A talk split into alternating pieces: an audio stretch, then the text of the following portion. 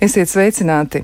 Vai zinājāt, ka visvecākā universitāte savā ziņā ir Al-Azhar Universitāte Eģiptē, kur ir dibināta 970. gadā Kairā, bet universitātes status tā pa īstam ieguva tikai 1961. gadā. Un, e, tur ir bijis tā, ka audzēkņi, jeb studenti, vai arī skolēni, sauciet kā gribat, ir izglītoti pat no pamatskolas līmeņa līdz augstākās izglītības līmenim. Tā nu tas ir ļoti interesants fakts un arī tiešām tāda ļoti nozīmīga lieta, jo izrādās, ka cilvēki ir tiekušies pēc zināšanām un arī droši vien pēc kvalitatīvām zināšanām jau labu laiku. Lūk, bet šodien mēs runāsim par akadēmiskā personāla tālāk izglītības iespējām. Un esam aicinājuši arī viesus, kuri pastāstīs par ļoti, ļoti interesantām un saistošām lietām, un arī par to, kā Latvijas akadēmiskais personāls no dažādām augstskolām var attīstīt sevi, lai nodrošinātu tiešām ļoti, ļoti augstu, augstākās izglītības kvalitāti. Un tāpēc esam studijā aicinājuši Rīgas biznesa skolas direktoru vietnieku Massachusetts Tehnoloģija institūta izglītības līderu mācību izglītības programmas direktoru Klaudiju Rivēru. Sveicināti! Labrīt! Vēl esam aicinājuši arī viesos Rīgas Stradiņu, Stradiņu Universitātes medicīnas izglītības tehnoloģiju centra direktoru Ievu Šlēziņu. Sveicināta! Brīt. Un vēl pie mums ir arī Izglītības un zinātnes ministrijas valsts sekretāra vietnieks augstākās izglītības zinātnes un inovāciju departamenta direktors Dmitrijs Stepānovs. Sveicināti! Sveicināti! Lūk, es gribētu vispirms uzdot jautājumu Klaudijo Riveram. Nu, tiešām izklausās iespaidīgi. Jūs esat eh, nu, tādas nopietnas izglītības programmas eh, vadītājs, jūs esat arī ļoti daudz par to mm, stāstījis. Varbūt izstāstiet arī klausītājiem, tiem, kuri nav par to interesējušies, kuri nav par to neko iepriekš zinājuši. Kas tad īsti tas ir? Jo šodien mēs vairāk runāsim tieši par divām programmām un uh, arī ar tām saistītajām lietām. Proti, tā būs tā saucamā Buffalo programma un arī Šī te Massachusetts Tehnoloģija institūta izglītības līderu e, mācību programma, nu tad stāstiet, varbūt sāciet ar, ar to, ar kuru jūs gribat. nu, labi, tad uh, mēs, jā, tas ir fantastiskas, teiksim, programmas, ka tagad ir piedāvātas gan mācības spēkiem no visām Latvijas augstākās izglītības iestādēm, un arī tas ir ar Vafulu universitāte un arī ar un, un ir programma, ka ir piedāvāta augstskolu līderiem, un tas ir ar Massachusetts Institute of Technology, un tas ir MIT, kas ir viena no trim, četrām labākām pasaules augstskolām. Un varam pateikt, tas ir kā piedāvāt e, līderiem un pasniedzējiem to iespēju paņemt kā gandrīz sabatikāls e, gadu. Ja, tas ir kā pausīt, aiziet uz Ameriku, paskatīties, mācīties, apsēsties e, studentā solē, uz studenta sola un paskatīties, kādā veidā tas notika tur Amerikā. Un, nu, nu, jūs zināt, ka izglītība daudz mainās, tāpēc ka pasaule daudz ir mainījusies. Un jūs, jūs minējāt par šo universitāti, viņi dabūja statusu ļoti daudz pēc tam, ka viņi bija Eh, sakošies. Un īstenībā izglītība ir noticis visā, notikusi visā pasaulē tas, ka birokratija ir pārņemusi mērķi. E, augstākās izglītības iestādes mērķis ir dot zināšanu, attīstīt zinātni, bet reizē nesen izveidojuši lielos, lielas struktūras. Un, un, un jautājums ir, kāpēc tā struktūra ir vajadzīga. Tad šīs abas programmas ir nedaudz tādā, teiksim, tādā palīdzība gan pasniedzējiem, gan līderiem. Uh, pārdomāt vēlreiz, kāpēc mēs darām, ko mēs darām. Un tad viņam ir tā iespēja braukt uz Ameriku, apsēsties tur, redzēt, kas notiek tur, runāt ar studentiem, ar pasniedzējiem, ar līderiem un pārdomāt, kāpēc mēs darām, ko mēs darām un ko mēs varam darīt labāk. Un ko mēs varam darīt labāk? Nu, re, tad jautājums tagad eh, būs eh, izglītības un zinātnes eh, ministrijas pārstāvim Vinijam Stepanovam. Nu, kas ir tas, ko jūs par to domājat? Jo noteikti augstākajai izglītībai ir nu, jābūt augstākai izglītībai visās nozīmēs, ne jau tikai nu, studentu izglītošanas ziņā, bet arī, arī citā, citos veidos mēs to varam izprast. Nu, kaut vai, piemēram, tā pati zinātnes virzīšana vai akadēmiskais personāls, kurš strādā ar pētījumiem. Kā jūs varētu raksturot to situāciju Latvijā, kā tas šobrīd izskatās? Jā, es, eh, pirmais, ko es gribēju teikt, ka ministrija, kā atbildīgā par rīcību politiku augstākajā izglītībā un zinātnē, ir virzījusi un pieņēmusi ļoti būtiskas reformas, eh, kas ir saistītas ar augstāko izglītību un zinātni. Un reformas galvenais mērķis ir eh, palielināt augstskolu un zinātnisko institūciju ietekmi kopumā tautsēmniecības attīstībai, bet arī sabiedrības at attīstībai, lai nodrošinātu gan mūsu mūsu ekonomisko noturību, gan arī mūsu vērtību noturību mūsu kopīgos mērķus. Līdz ar to Lai šo mērķi sasniegtu, mēs esam ieviesuši kā pirmo soli, būtisku soli. Mēs esam mainījuši augstskolu iekšējo pārvaldības modeli, kas ir vērsts, lai iesaistītu sabiedrības līderus, tautsēmniecības pārstāvjus, citus, citus intelektuāļus augstskolu lēmumu pieņemšanā. Ko tas dos? Tas dos lielāku augstskolu sistēmu sasaisti ar tautsājumniecību, ar saistītām industrijām, piemēram, ja mēs runājam par par medicīnu tā būtu lielāka sadarbība ar slimnīcām, ja mēs runājam par tehniskām zinātnēm, lielāka sadarbība ar tehnoloģiju ietilpīgiem uzņēmumiem un tā tālāk. Līdz ar to mēs esam sagatavojuši tādu iespēju, um, iespēju um, sistēmu augstākās izglītības institūcijām, bet nākamais solis ir šo reformu veiksmīgi īstenot. Un ir skaidrs, ka tas nevar notikt viena mēneša laikā vai viena gada laikā.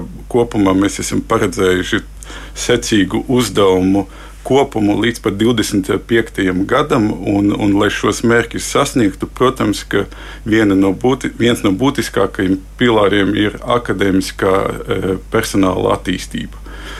Un, lai šo izdarītu, mums e, ir iespēja, un mēs arī pateicamies par to, ka mums ir šādas iespējas. Mēs piedāvājam uh, akadēmiskajam personālam, augstskolu mācībspēkiem ne tikai nodot zināšanas eh, studentiem, kas ir eh, galvenais, viens no galvenajiem augstskolu uzdevumiem, bet, protams, arī uh, rast, uh, iegūt šīs uh, zināšanas pašiem. Mēs jau gadu desmitiem zina, zinām, ka labs ārsts mācās visu mūžu.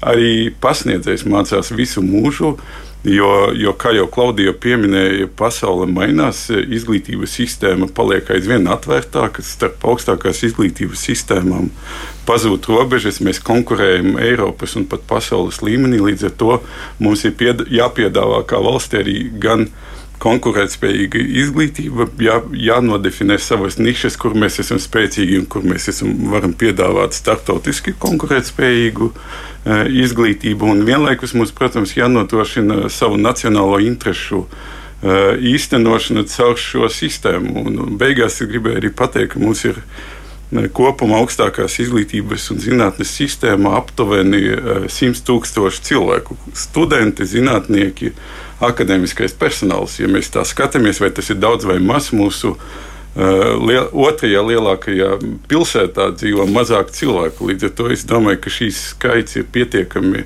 iespaidīgs, lai mēs varētu uh, kā sabiedrība prasīt no šīs sistēmas lielāku ietekmi un atdevi uz mūsu vispārīgiem uh, tautsēmniecības attīstības perspektīvām un arī, un arī, un arī citu, citu mērķu sasniegšana, piemēram, augstskolām ir arī liela būtiska ietekme uz, uz kultūras attīstību, uz sporta attīstību, jo, jo sports bieži vien attīstās arī augstskolās un, un tā tālāk. Jā, nu tas varētu nozīmēt arī to, ka droši vien izpētot zīkāku augstskolu augstskolu darbību un to, kas ir nepieciešams, arī jūs teicāt par tautsēmniecību, bet tas nozīmē, ka mēs skaidrāk saprotam, kas ir tas, kas mums ir vajadzīgs, kāda speciālisti un kādā veidā mēs varam attīstīt paši savu valsti, tad tas varētu nozīmēt to, ka mēs nesaražojam speciālistus, kur nav vajadzīgi, vai arī kuriem nav iespējas atrast darbu vai pielietot savu zināšanas. Bet vēl viena lieta man šķiet, tur varētu būt arī saistīta ar ar vidējo izglītību vai pat ar pamatizglītību. Izskatās, ka tur arī reizēm ir tā, ka tas atsaucas augstskolas izglītībā, jo, ja, piemēram, ir ļoti trūcīgas zināšanas dabas zinībās, tad mācīties medicīnu pēc tam ir sarežģīti, ja tas varētu būt ļoti apgrūtinoši. Un te man jautājums arī. Rīgas Tradiņu Universitātes eh, medicīnas izglītības tehnoloģija centra direktorai Ievai Šlēziņai, kā jūs saskatāt eh, akadēmiskā personāla, ja mācību spēku attīstības perspektīvas tieši saistībā arī ar tām iepriekš minētajām programmām un ar to, kas tad tur ir, ko tad var darīt, kā var attīstīt šīs lietas un tieši jūsu redzējums par to, kāpēc tas varētu būt tik nozīmīgi. Jā, jāsaka, ka Rīgas Stradiņa universitāte jau aktīvi ir piedalījusies šajās Rīgas biznesa skolas inicētajās programmās. Mūsu mācību spēki ir bijuši gan šajā, un arī šobrīd ir Buffalo programmā. Un šobrīd tad, jaunā MIT programma, kurā arī es esmu viens no izvirzītajiem pārstāvjiem, tad tā vēlme stiprināt šo mācību spēku un struktūru vienību, tādu līderu zināšanas noteikti ir tas, kā mēs varam veikt šīs izmaiņas, pēc tam atgriežoties lokāli savā vidē un savā jomā. Nu, teiksim, mana joma šajā brīdī ir medicīnas izglītība, tad tā ietekme uh, ir. Tā ir vieta, no kurienes tu vari ietekmēt uh, procesus un uh, mainīt vidi.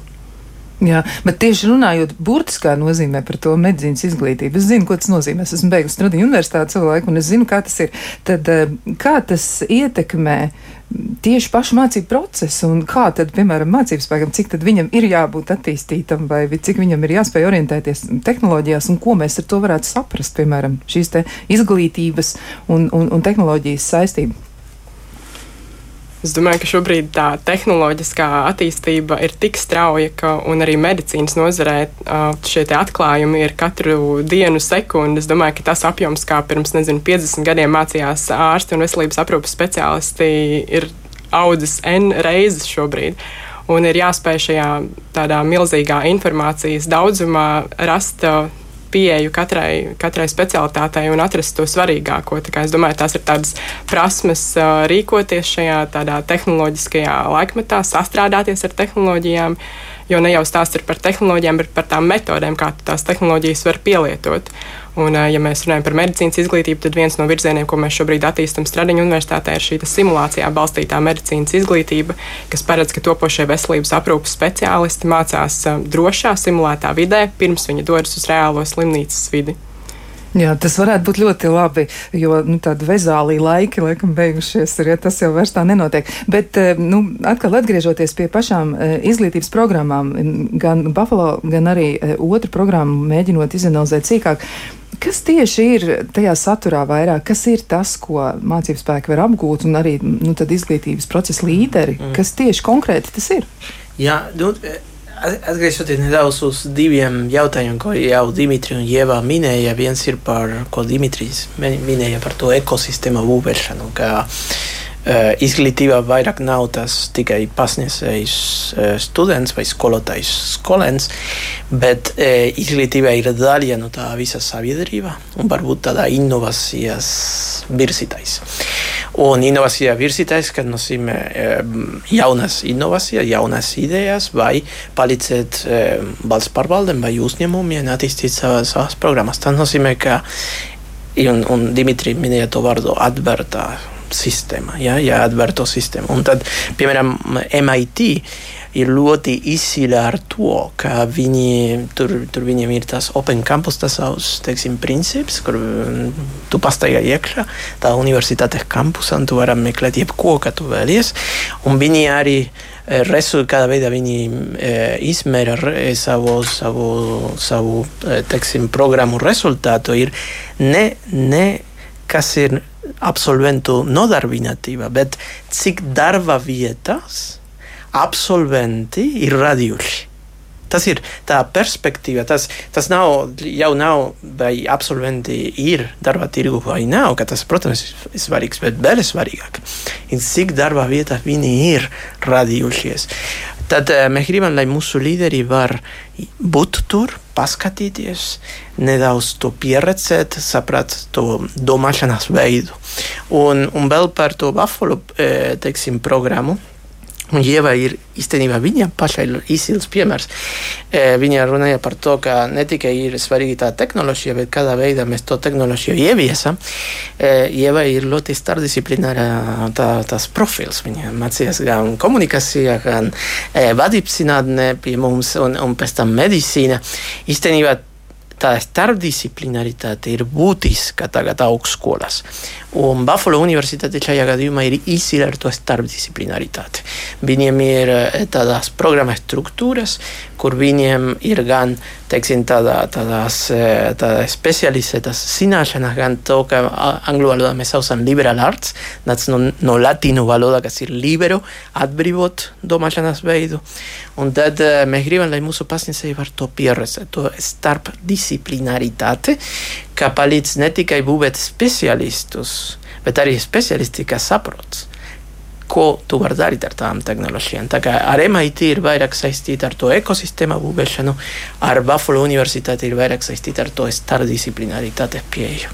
Labi, skaidrs, bet varbūt jūs varat to raksturot arī nu, tādā nozīmē, kā tas atšķiras no tās sistēmas, kas Latvijas augstskolās ir pastāvējusi pirms tam. Jūs noteikti varat salīdzināt, kā tas ir tur un kā tas ir noticis pie mums kādu laiku. Nu, piemēram, uh, okay. tad. Uh, Nu, tagad, protams, daudz mainās notiek, un, un, un, un, un Izglītības ministrija ir virsījusi būtiska pārmaiņas. Bet kādā veidā, piemēram, programmas ir būvētas? Vispār Latvijā tā starpdisciplinaritāte nenāca tik dabiski. Piemēram, mums ir tāda humanitārie priekšmeti, viņi vispār atrodas C daļā. Tie, kā vairāk orientējas augstākās izglītībā, viņi zina, ka ir priekšmeti, ka ir A daļā, B daļā un C daļā. Tad obligāti. Un, un, jā, un ir obligāti brīvās izvēles un jā. izvēles. Nekad neesmu sapratis, kāpēc ir brīvās izvēles, bet nu, tas, tas ir kaut kas man paskaidros nākotnē. Bet, bet, bet kāpēc humanitārās? Teiksim, humanitārie priekšmeti, viņi ir ceļā. Tas, tas nav, nu, tas neveicina starpdisciplinaritāti. Īstenībā tie, tie kā mācās datorzinātnē, viņiem obligāti būtu jāmācā filozofiju, vēsture, socioloģiju, psiholoģiju. Uh, tie, tie, me, tie, kā mācās medicīnu, viņiem jāmācā psiholoģiju, viņiem jāmācā citas, teiksim, tādas brīvās mākslas, bet tas nevar būt izvēles priekšmeti, viņi jābūt obligāti priekšmeti. Tā kā kopā ar, tie, ar tām tehniskām zināšanām jābūt kopā. Un tas ir, ko, piemēram, Buffalo universitāte dara. Buffalo universitāte ir, viņiem ir, man liekas, pieci priekšmetu bloki. Un, un tādos priekšmetu blokos viņiem ir gan tā tehnikas zināšanas, gan tādas, teiksim, tādas zināšanas un prasmes, kas ir vajadzīgas. Vēl viena lieta, ko Latvija, ne tikai Latvija, visa pasaule mainīs, mums ir programmas, piemēram, bakalaura programma, vajag ja es nemaldos, 120 kredītpunktu. Tas ir plus mīnus 30 priekšmeti, ja es nemaldos. Tad uh, vesela akadēmiskā programma, kā arī akreditējas reizes sešus gadus. Tad pasaulē iet uz to, ka mums nebūs programmas ar 40 priekšmetiem, mums būs mikroprogrammas, piemēram. Ja? Un tā mikroprogrammas tur būs pa, par sešiem priekšmetiem, piemēram, un, un studentiem būs iespēja dabūt sociālās zinātnē no Latvijas Universitāte, medicīnas zinātnē no Stradiņā Universitāte, biznesa zinātnē no Rīgas biznesa skola un izveidot savu pašu programmu. Tā ir tā fleksibilitāte, ka ir ļoti nepieciešama un uz kurieni mums jāiet. Izklausās, ka tad katra augstskola varēs nodrošināt uz savu sadaļu, ja, ja cilvēks būs izlēms kaut kā noteiktā veidā specializēties. Bet man jautājums eh, arī, arī ievērš Lēziņai un arī Dmitrijam Stepānovam par to. Kādas ir atšķirības? Es, es vēl gribētu, būt, lai jūs uzsverat to, kāds ir tas nākotnes redzējums, kas tieši mainīsies, jo Latvijā tā tad ir kaut kādas, nu, varbūt tās ir tradīcijas, vai varbūt veids, kā mēs esam sapratuši augstāko izglītību, bet tās pārmaiņas ir un ir būtiskas, bet būtu svarīgi arī paskaidrot tieši kādas. Kā tad tas mainīsies, kā kvalitatīvi tas process izmainīsies un kā to varēs pamanīt. Varbūt iepšlēziņi varētu sākt.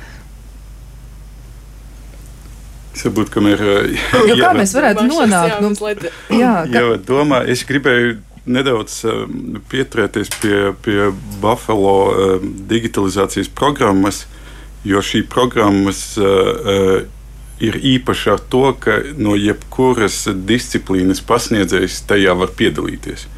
Un kāpēc šī koncepcija ļauj tieši jebkuram pasniedzējam piedalīties? Tāpat kā Klaudijo jau minēja, ka, ka jebkurā programmā, kas, kas tiek īstenota, jābūt nu, tā saucamiem horizontāliem aspektiem. Humanitārās, sociālās zinātnes ir arī datorzinātnes, fizika, medicīna, ķīmija un tā tālāk. Tāpat arī digitālās un IT prasmes ir nākamā horizontālā joma, kas šobrīd jau ienāk pilnīgi katrā programmā. Un te ir ļoti daudz eh, iespēju, kādā veidā šo izmantot. Viens, viena no iespējām ir um, eh, IT zināšanas, ļauj uh, monitorēt mācīšanās un mācīšanās uh, progresu ļoti uh, labā veidā. Jo, ja mēs pārējām no tā, ka pasniedzējs izstāsta savu kursu un semestra beigās pieņem eksāmenu, tad, tad šīs faktiski eksāmena laikā tikai, tikai bieži vien mēs saprotam, ka, ka mēs vispār nepareizi domājam, ne, nespējam apgūt kādu, kādu no, no, no, no jomām. Otrs ir, ir, ir absolūtā visi jau šobrīd uh, saprot arī to, ka informācijas tehnoloģijas uh, palīdz uh, mācīties, palīdz daudzus procesus efektivizēt, uh, ienāk uh, arī mākslīgais intelekts, mums ir lielie dati un tā tālāk, kas padara, kuru orientēšanās kur šajās jomās un zināšanu sapratne ļauj mums kā indivīdiem, tāpat arī valstī kļūt daudz, daudz konkurētspējīgākiem. Līdz ar to šīs Buffalo programmas no, uh, viena no stiprākajām pusēm, ka ienākot universitātē, viņiem ir iespēja atbilstoši savām vajadzībām, saviem priekšmetiem izvēlēties tādus kursu, kursu un programmu apjomu, kāds vislabāk viņiem būtu, lai, lai īstenotu viņu, viņu zināšanas. Tas nozīmē, ka Nav tā, ka mūsu eh, pasniedzēju grupa vienā kohortā aizbrauc un visu laiku ir kopā pie vieniem tiem pašiem pasniedzējiem. Viņu tā stiprā puse ir tāda, ka viņi var piedalīties vairāk fakultāšu organizētos kursos, viņi veido paši savu programmu un, un, un veido eh, tādu zināšanu un, un prasmju komplektu, kas vislabāk palīdz, eh, palīdz viņiem turpināt īstenot savus, savus studiju kursus.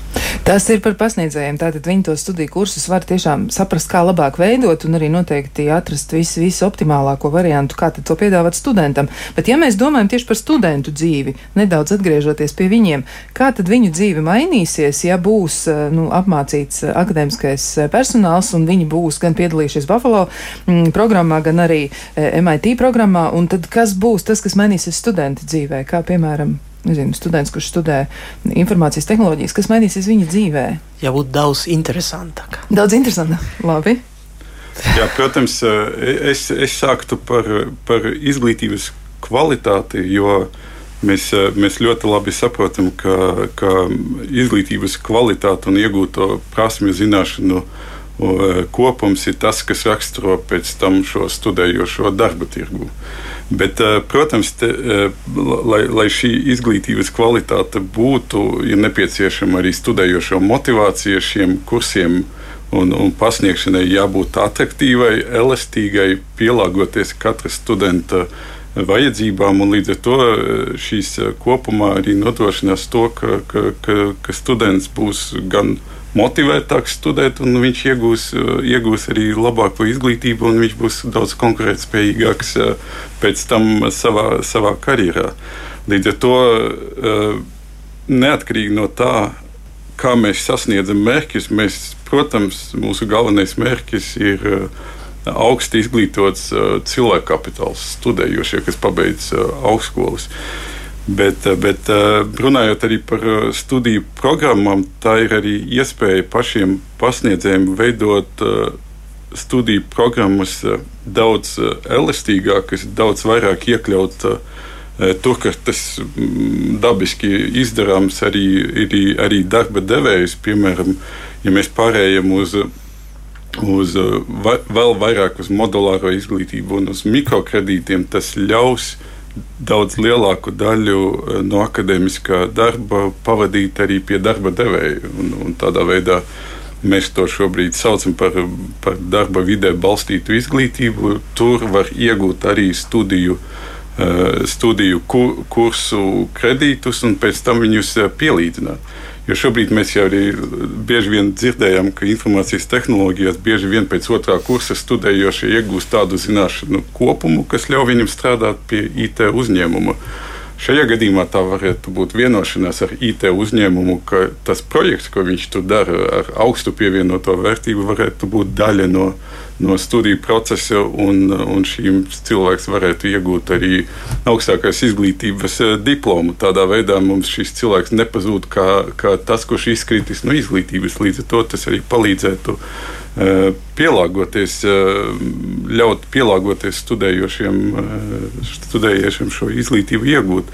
Arī mēs runājam par to, ka Ja mēs tagad standarta, piemēram, magistra programma mums ir viens līdz divi gadi, un tad, tad tev jāpabeidz, jānokārto, bet, bet, bet šāda elastīga pieeja ļautu piemēram, cilvēkiem, kas ir nodarbināti ilgākā laika posmā, iegūt šo magistra grādu, pabeidzot atsevišķus kursus, daļu, daļu mācoties arī pie, pie, pie darba devēja. Mums valstī ir augstu tehnoloģiju ietilpīgi uzņēmumi, kas var to darīt.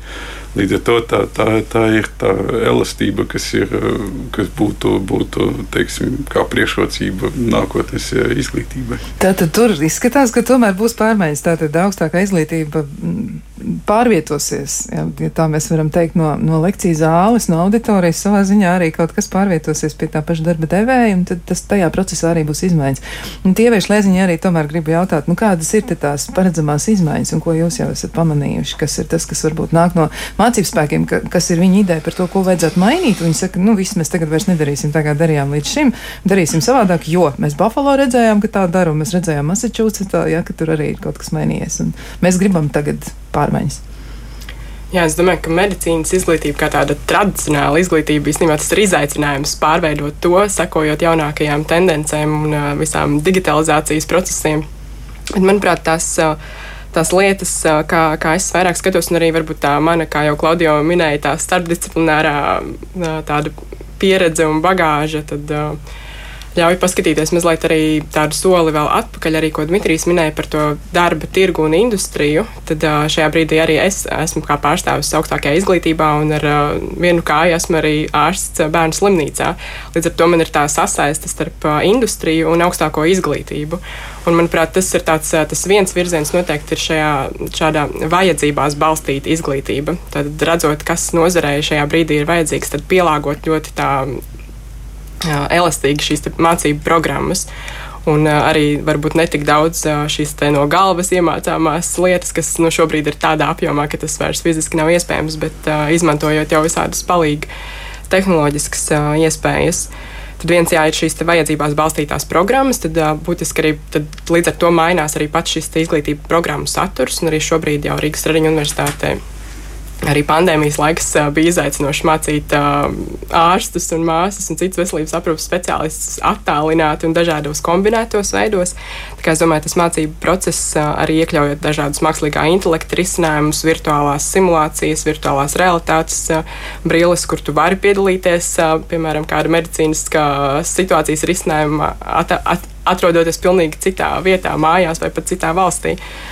Un, uh, Arī šie 3D drukas iespējas medicīnā risinot sarežģītu, piemēram, audzēju gadījumus, kur var palīdzēt tāda starp, starpdisciplināra sadarbība starp tādiem medicīnas inženieriem, ārstiem un tehnoloģiju cilvēkiem. Uh, Un es domāju, tas, nu, jā, tas pēdējais virziens, ko jau es arī pieminēju, būtībā šis veids, jeb šī forma, kādā tie studenti mācās. Un, un, protams, ka medicīna, es domāju, ka jūs piekritīsiet, ka tur tomēr ir jābūt klātienes mācībām zināmā posmā, bet noteikti ir, ir lietas, ko mēs varam darīt attālināti. Un, Un tajā brīdī, kad mēs esam gatavi, mēs nākam klātienē, un tas klātienes posms, piemēram, ir šī simulētā slimnīca, kas šobrīd notiek Rīgas Treniņu universitātē, kur speciālisti divu nedēļu ietveros iet uz tādām simulētā vidē iekārtotām ķirurģijas un iekšķīgo slimību nodaļām, aprūpē pacientus gan manekenus, gan simulētus pacientus aktierus.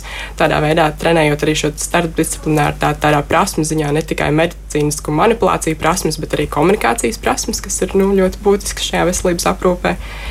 Un, um, Kā es domāju, jā, tie veidi ir. Uh, es domāju, ka šobrīd pēdējo divu gadu laikā jau ir tik daudz jaunu inovāciju tā, tajās pieejās, kā mēs šobrīd mācām uh, medicīnas un veselības aprūpas speciālistus. Un noteikti esmu gatava vēl vairāk iedvesmoties un mainīt šo vidi un pielāgot, lai studentiem tiešām būtu interesanti. Un es domāju, vēl tāds, um, kas arī izskanēja jau šajās MIT tādās um, pirmajās tikšanās par par tādu, kas šobrīd mūsdienu jaunatne un paudze ļoti bieži pajautā, kāpēc man to vajag. Tas nav tā, ka tu vienkārši atnāc un ņem visu, ko tev dod, un uh, to vienkārši mācies, uh, tāpēc, ka tev tā teica. Tā studentu pieeja ir daudz prasīgāka, un viņi grib redzēt, kāpēc tas tieši ir vajadzīgs. Es Jā. domāju, ka tas arī ir būtisks aspekts šobrīd. Izklausās, ka dzīve kļūs ar vien interesantāka un pateicoties inovācijām, patiesi būt studentam būs ļoti, ļoti aizraujoši. Bet vēl mums ir daudz jautājumu izrunājumu, bet to mēs darīsim pēc īsa brīža. Turpinām sarunu par to, kā Latvijā attīstās augstākā izglītība. Tajā nozīmē, ka arī mācību spēkiem, kur strādā dažādās augstskolas, jeb augstākās izglītības iestādēs, ir iespēja iesaistīties pašiem savā programmā vienā vai otrā. Un šajā gadījumā mēs runājam par divām. Tātad viena ir Buffalo programma, un otra ir Massachusetts Tehnoloģija institūta piedāvātā izglītības līderu mācību izglītības programma. Un augstskolu mācību spēki var noteikti mēģināt pārdomāt, kā veidot savus studiju kursus, ko attīstīt, ko mainīt mainīt, lai studentiem būtu aizvien interesantāk. Nu, klausītājiem arī ir tāda piezīme par to, ka tas ir neskaidrs un aptuvens temats un nav tipisks, eh, kā labāk dzīvot formātam. Nu, tā var būt, varētu mēs arī no vienas puses domāt, no otras puses, eh, kā teica Klaudio Rivera, eh, nelielajā atpūtas brīdī aizkadrā. Viņš teica, ka tas ir svarīgi tieši par laimes indeksu runājot. Ja, tā ir otrā pozīcija, kas nodrošina mūsu laimes izjūtu. Izglītība ir svarīga. Viena, viena. Jā, mēs bez tā īsti nevaram iztikt. Jā, nu, vēl arī man tāds jautājums ir par pasniedzēju lomas maiņu, jeb eh, augstskolu mācību spēku lomas maiņu. Kas tad viņš eh, ir tagad, ja, ja viņš ir piedalījies kādā no šīm mācību programmām un ir droši vien arī no apsvērs, ko viņš varētu darīt savādāk? Tad eh, lomas maiņa varbūt Klaudija arī var, varētu to mazliet vairāk Jā. raksturot. No, visiem, ka ir bērnībā, ir pieredze strādāt ar jauniešiem, saprot, ka tagad runāt ar jaunieti par vienu tēmu desmit minūtes ir diezgan izaicinoši. Viņam kaut ko desmit minūšu pas, kaut ko paskaidrot un pastāstīt. Nu, pēc, pēc divām minūtēm jau viņš ir pie mobilā vai pie datorā. Tad e, teiksim, tas, e, tādā kapacitāte pievērs uzmanību un, un, un vispār arī daudz, daudz citā pārmaiņas, kas notiek, dara tā, ka tādā tā pasniedzēja, kā pasniegt zināšanas. Nu, tā kā no mana galva uz jaunieša galva. Ja? Tā, tā, tā loma, ka bija varbūt 19. gadsimta, 20. gadsimta, tas bija tā svarīgākā, teiksim, lektora joma. Es lasu un, un nododu no sava galva uz, uz, uz, uz jaunieša galva, es pasniedzu savas idejas, tas jau ir beidzies. No, tā, tā iespējas nav. Tad, ja, ja iedrošina tas, ka jaunietis, jaunieti viņā ieinteresējas vielā. Tāpēc tas jautājums, vai tas ir tas, kā labāk dzīvot jautājums, vai ne, īstenībā tas jau būtu viena no interesantākām lietām. Izglītība jābūt viena no interesantākām lietām. Un tāda nelaime nedaudz ir tā, ka daudz iet uz augstskolām vai uz skolām, lai dabūtu papīru. Tas ir birokrātiskais process, lai es varu dabūt diploma beigās. Un no tāda skatu punta, protams, izglītība arī man nebūtu interesanta lieta. Bet izglītība jābūt tādā iespēja pilnveidot savā zināšanā, prasme, motivācijā, domāt, sapņot par nākotni. Un tā ir tāda pasniedzēju aktuālā doma, un tas būs nākotne. Un tāpēc, ka tagad praktiski kā īstenojas. Nu, praktiski īstenoja, ka tagad lielākā daļa no mācībām, lielākā daļa no mācībām, teiksim, ieguldījuma jābūt studentu rokās. Pirms viņš nāca uz nodarbībām, konkrētāk runājot, pirms viņš, viņš nāca uz nodarbībām, viņam jālasa, viņam jādara uzdevumi, viņam jāizteno projekti, nāca uz augstskolu un apsprieda ar pasniedzēju. Ko es esmu darījuši, kad ir mani jautājumi, kad ir tie izaicinājumi. Un tad un, un, un, un pasniedzēja loma izskatās vairāk kā mentors, zināšanu motivators teiksim, tās tutors, zināmā birsa, no, tas, tas coach, no angļu valodā runājot, ja, tas coach, kā birsa šo jaunieti uz, uz priekšu un viņu ievesmo.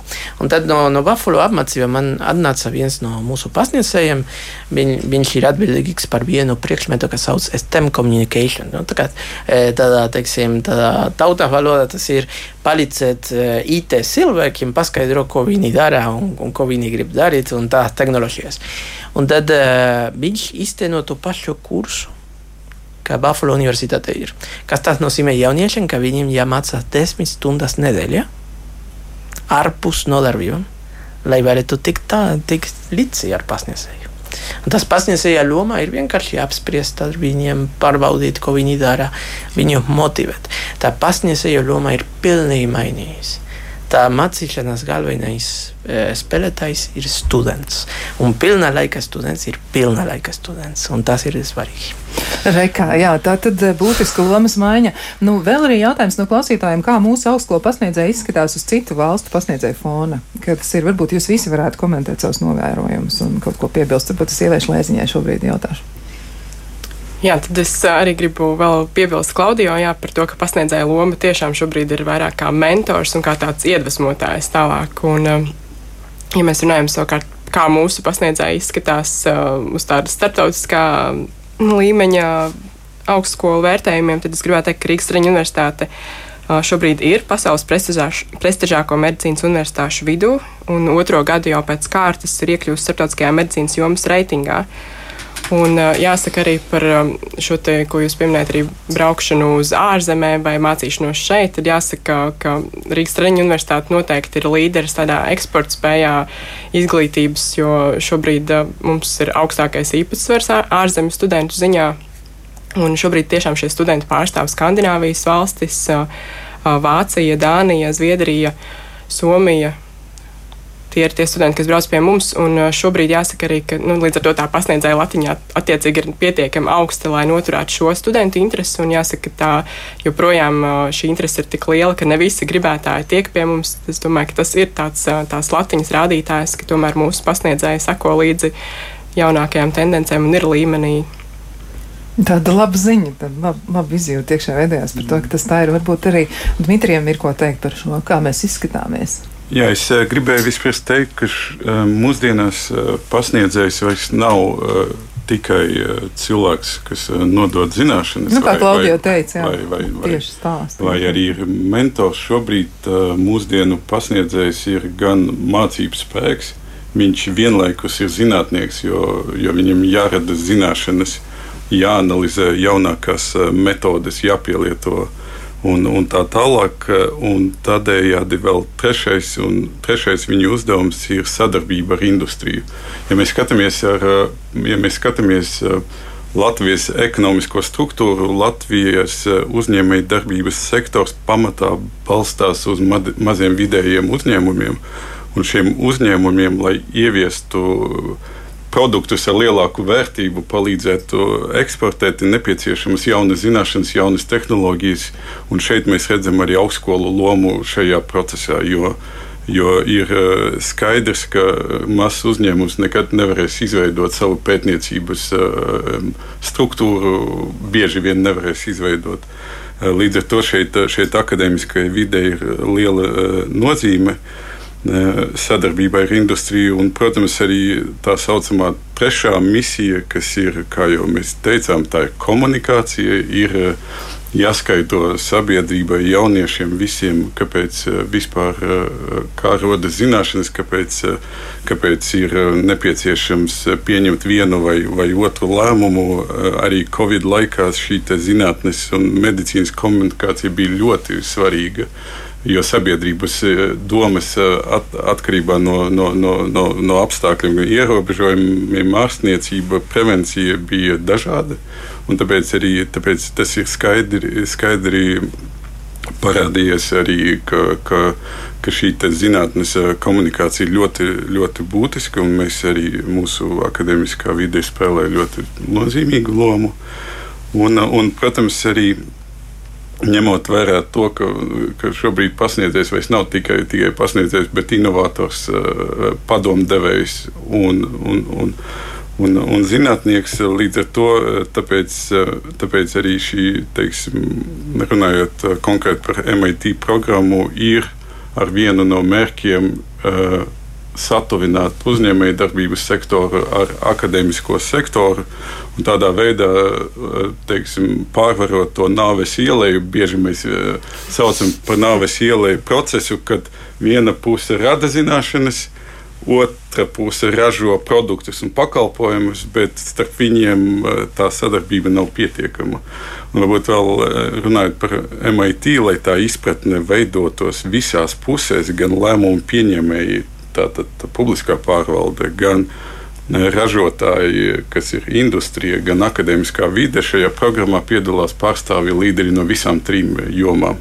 Tā ir gan iespēja viņiem savā starpā satikties un koordinēt uh, mērķa sasniegšanu, gan arī uh, neveidot situāciju, kad, kad, kad uh, viena grupa uh, iet uz mērķi, otra uh, vēl domā, trešā, trešā, trešā vispār nav nekādas intereses un motivācijas. Tad līdz ar to Eh, bet runājot par, par, par Latvijas eh, pasniedzējiem, kādi, kādi, kādi ir Latvijā un, un, un, un starptautiski šeit, gan es uh, gribēju teikt, ka, ja mēs runājam teiksim, Eiropas līmenī, tad mēs, mums, mūsu Eiropas um, augstākās izglītības telpā konkurētspēja un konkurences starp pasniedzējiem ir, ir viena.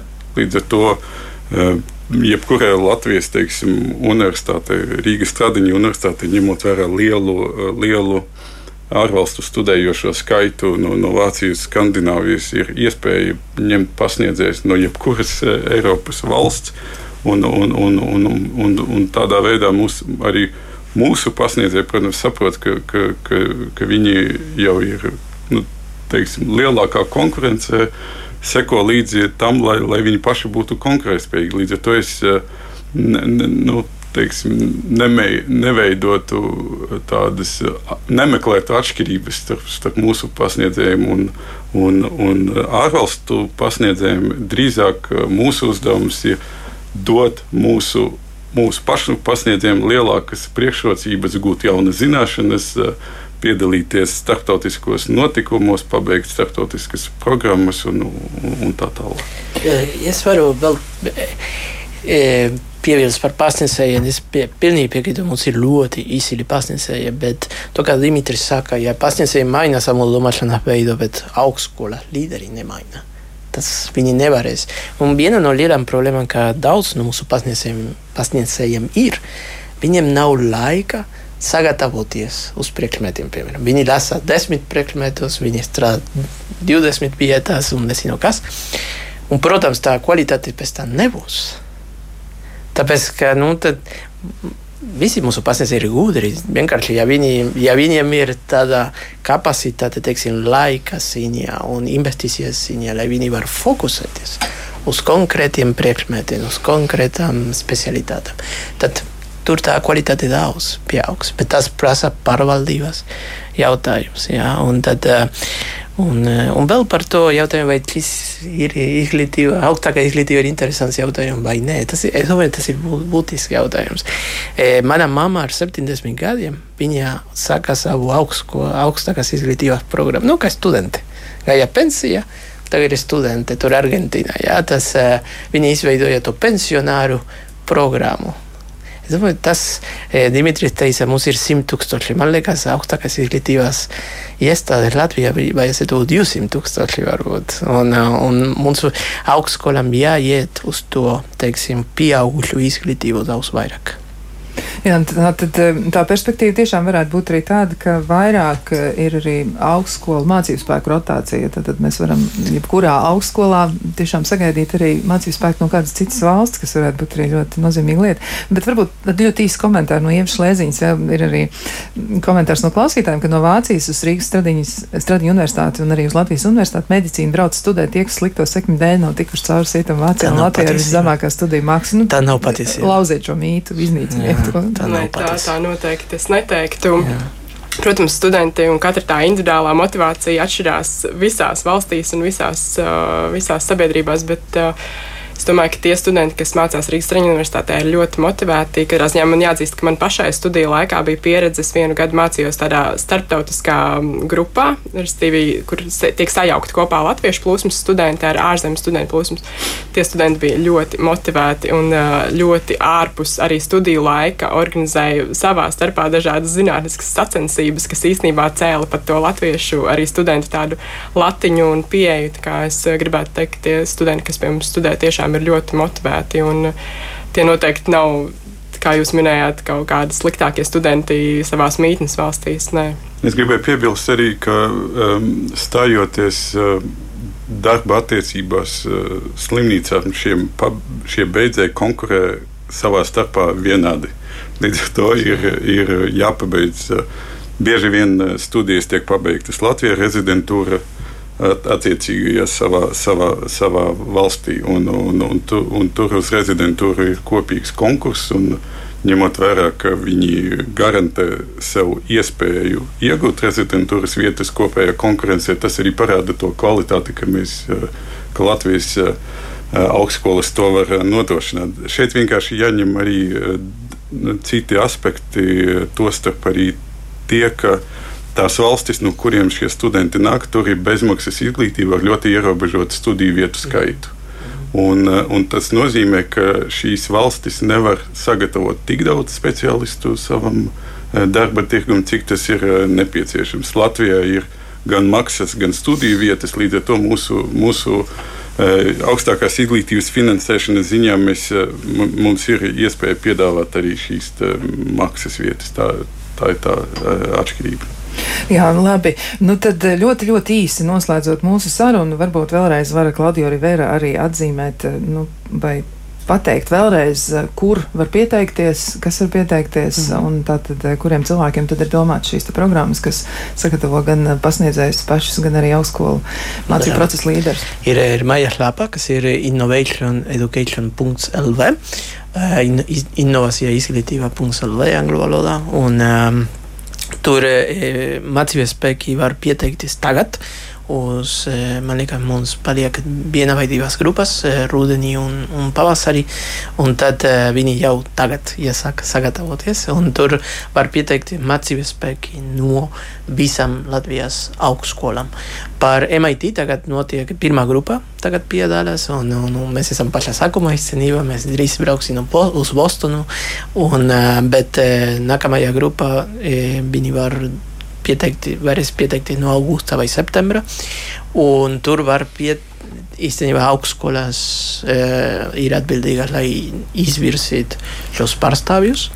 Un tad, jā. Un tad var pieteikties. Tātad, ja kura Latvijas augstskola var izvirzīt savu pārstāvi, lai piedalītos arī tālāk izglītības programmā, jā. kas ir domāta tieši mācību procesu līderu e, sagatavošanai. Jā, šai brīdī saku paldies Rīgas biznesa skolas direktora vietniekam Massachusetts Tehnoloģija institūta izglītības līderu mācību izglītības programmas direktoram Klaudio Riveram, Rīgas Stradiņu universitātes medicīnas izglītības tehnoloģija centra direktorai Ievai Šlēziņai un arī izglītības un zinātnes ministrijas valsts sekretāra vietniekam augstākās izglītības zinātnes un inovāciju departamenta direktoram Dmitrijam Stepanovam.